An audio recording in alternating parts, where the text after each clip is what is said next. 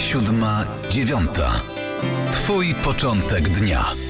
11 sierpnia 1892 roku urodził się Władysław e, Anders, e, wojskowy polityk, e, no cóż, człowiek, legenda chyba warto powiedzieć, przede wszystkim naczelny wódz polskich sił zbrojnych, na uchodźcy, następca prezydenta RP w latach 1950-54.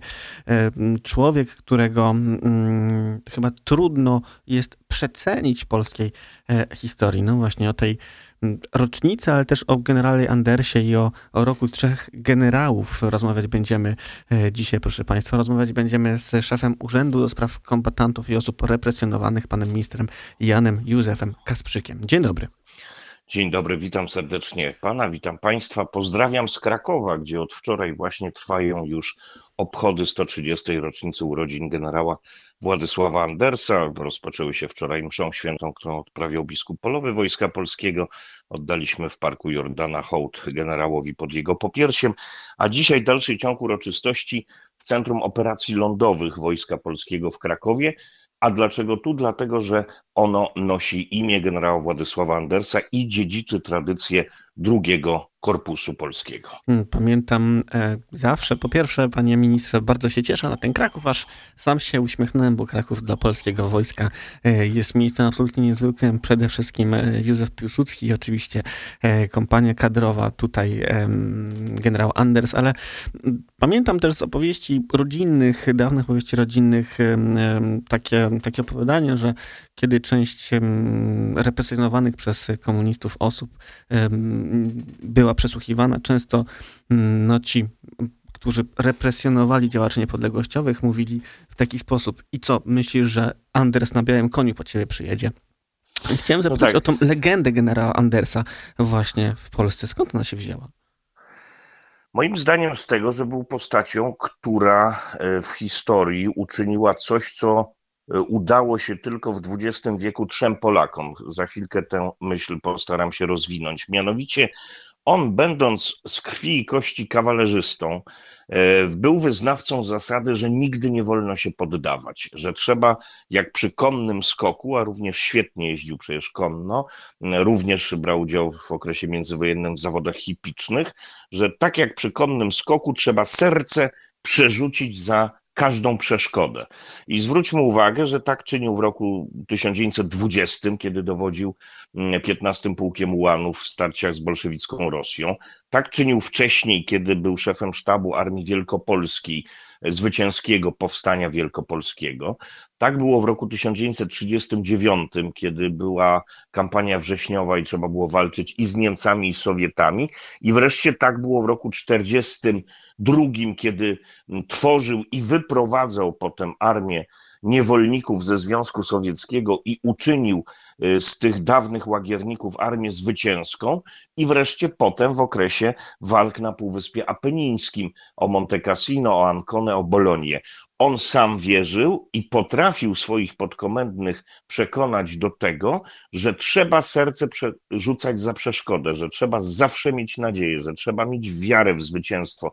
On tę wiarę ma, miał do końca swoich dni, do roku 1970, mimo że pozostawał na emigracji, mimo że nie doczekał wolnej Polski, ale wiarę w to, że Polska kiedyś odzyska niepodległość, miał do końca. Wczoraj mówiła o tym jego córka, pani Anna Maria Anders, obecnie ambasador Rzeczpospolitej e, w Republice Włoskiej. Pytana, czy kiedykolwiek ojciec w, jaki, w jakiś sposób okazywał zgorzknienie, czy, czy widać było po nim jakby świadomość klęski politycznej czy wojskowej. Ona mówi nie, on zawsze był optymistą.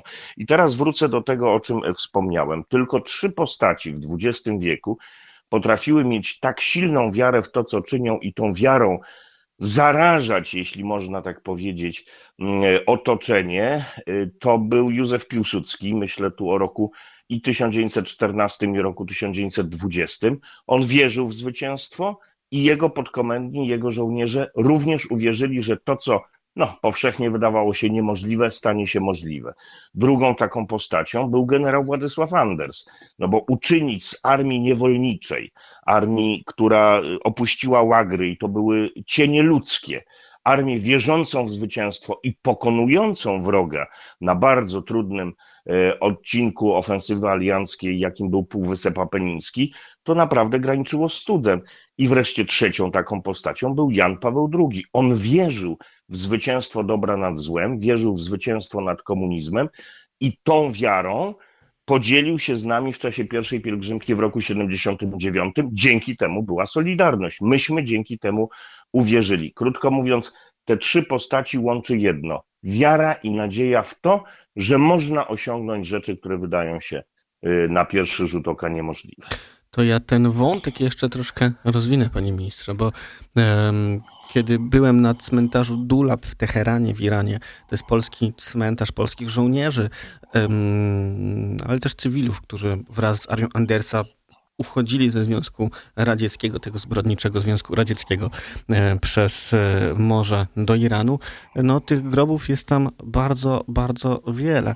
Więc wydaje mi się, w zasadzie zapytałbym o jeszcze aspekt tej legendy generała Andersa. Mam wrażenie, że jest nią odpowiedzialność, to znaczy odpowiedzialność za ludzi, bo e, wyprowadzenie, to o czym pan minister powiedział, no ludzi, którzy wiele lat już byli więzieni w Związku Radzieckim, komunistycznym Związku Radzieckim, e, na wolny świat, przeprowadzanie ich przez Iran, Palestynę, e, zrobienie z nich żołnierzy wymagało też odpowiedzialności.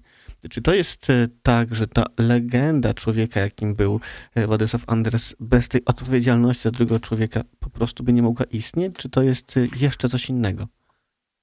Jak najbardziej, bo tę legendę nieśli właśnie ci, za których odpowiedzialny był generał i którzy mu zawdzięczali życie. To jest rzecz zupełnie zrozumiała. Legenda, mit nie bierze się znikąd. Ona wybrzmiewa w ustach tych, którzy mają danej osobie coś do zawdzięczenia, a tych, którzy zawdzięczali Andersowi życie, były tysiące. Y, porządkując fakty, po agresji sowieckiej w 1939 roku setki tysięcy Polaków znalazło się na nieludzkiej ziemi gdzie poddani byli pracy niewolniczej, gdzie każdego dnia mogli zakończyć życie, mm, to było piekło na ziemi. I teraz w 1941 roku dochodzi do rzeczy, której nikt się nie spodziewał, mianowicie dwaj sojusznicy odpowiedzialni za wybuch II wojny światowej, czyli sowiecka Rosja i niemiecka Trzecia Rzesza, nagle stają naprzeciwko siebie. Hitler najeżdża na Stalina, wybucha wojna.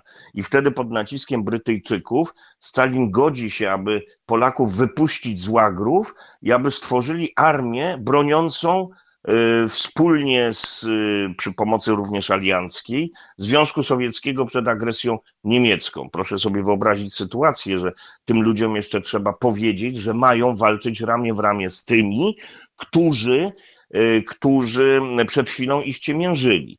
Y, jednym z uwolnionych jest generał Anders, który przez prawie dwa lata przebywa na Łubiance, gdzie poddawany jest bardzo brutalnemu śledztwu, które jest wynikiem tego, iż wcześniej jest kuszony, on był w czasie I wojny światowej oficerem armii rosyjskiej, aby przyłączył się do Rosjan. Oni mówią, panie generale, pan służył w armii rosyjskiej, pan był zasłużonym oficerem armii carskiej, niech pan będzie teraz razem z nami, niech pan plunie na tą pańską Polskę, której już nigdy nie będzie. I on odmawia.